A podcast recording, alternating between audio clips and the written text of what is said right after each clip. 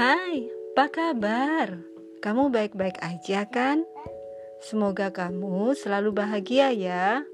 Aku Wina dari podcast Cerita Wina. Masih dalam rangkaian 30 hari bersuara menjawab tantangan dari at thepodcasters.id.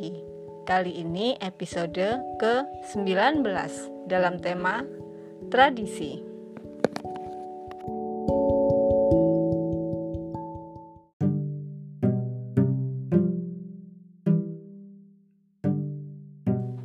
Anak-anak, ibu mau cerita nih. Ada yang mau dengerin gak? Aku mau dengerin. Aku mau dengerin.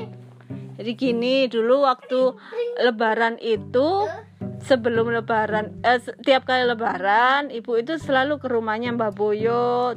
Nah, di rumah Mbak Boyot itu ada tradisi namanya memberi eh, namanya wewe. Wewe itu wewe wewe itu memberikan Wawa itu memberikan makanan ke tetangga, berbagi makanan ke, ke tetangga sebelum lebaran begitu.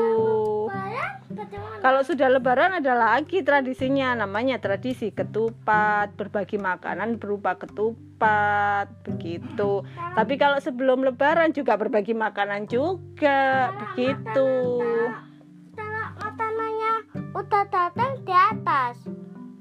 Iya dia dimakan lah kalau udah datang ya dimakan lah. Jadi uh, yang nganter itu anak-anak kecil waktu itu ibu waktu waktu itu masih usia SD atau SMP.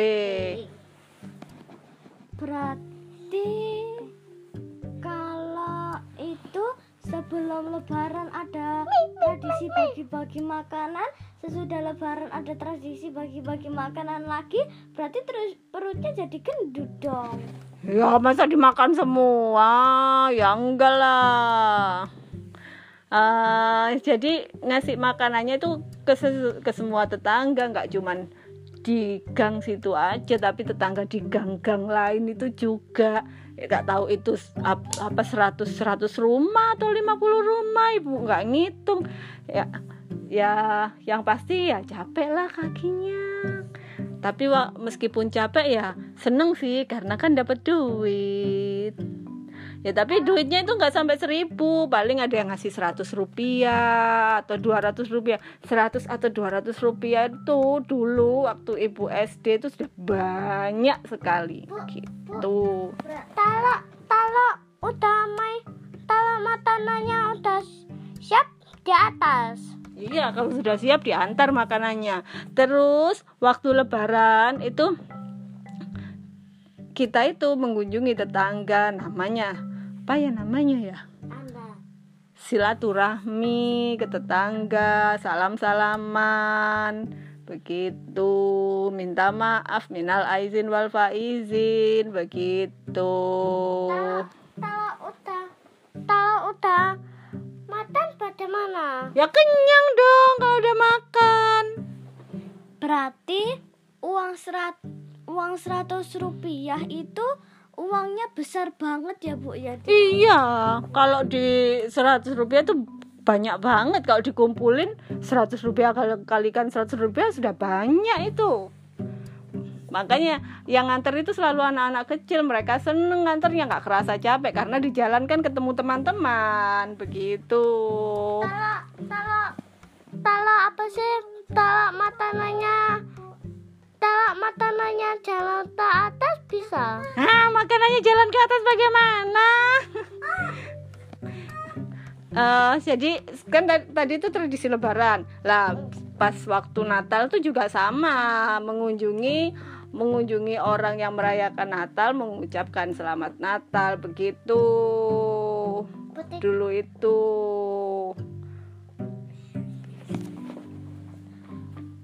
Nggak apa-apa. Sudah ya sudah malam ya tidur ya? Iya tidur sudah malam. Sudah malam tidur. Sudah ya? sudah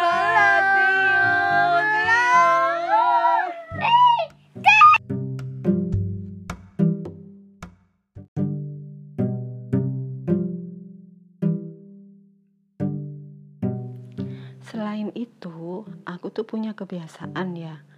Eh, kirim kartu ucapan saat hari lebaran ataupun saat hari natal. Biasanya kartu ucapan itu aku buat sendiri. Sudah lama banget aku nggak pernah kasih kartu ucapan. Dulu sih waktu sekitar SMA sama pas setelah SMA sih ya masih kerja kayaknya juga deh. Aku bikin kartu ucapan gitu untuk teman-temanku dan ku kirim. Dan setelah lama aku nggak ngasih kartu ucapan. Kemarin aku bikin kartu ucapan lagi. Kemarin ini dua hari ini aku bikin kartu ucapan.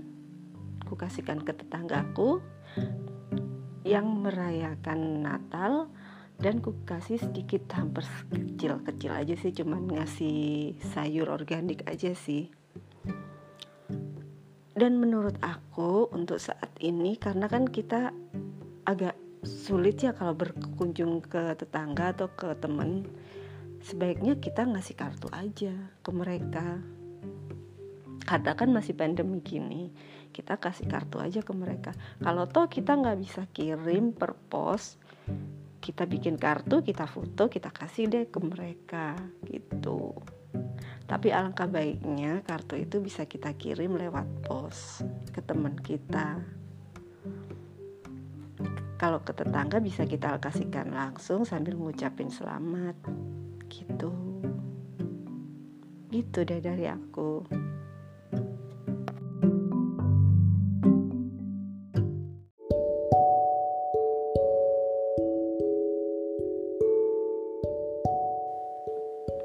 Suwon yorek wis ngerungokno suaraku.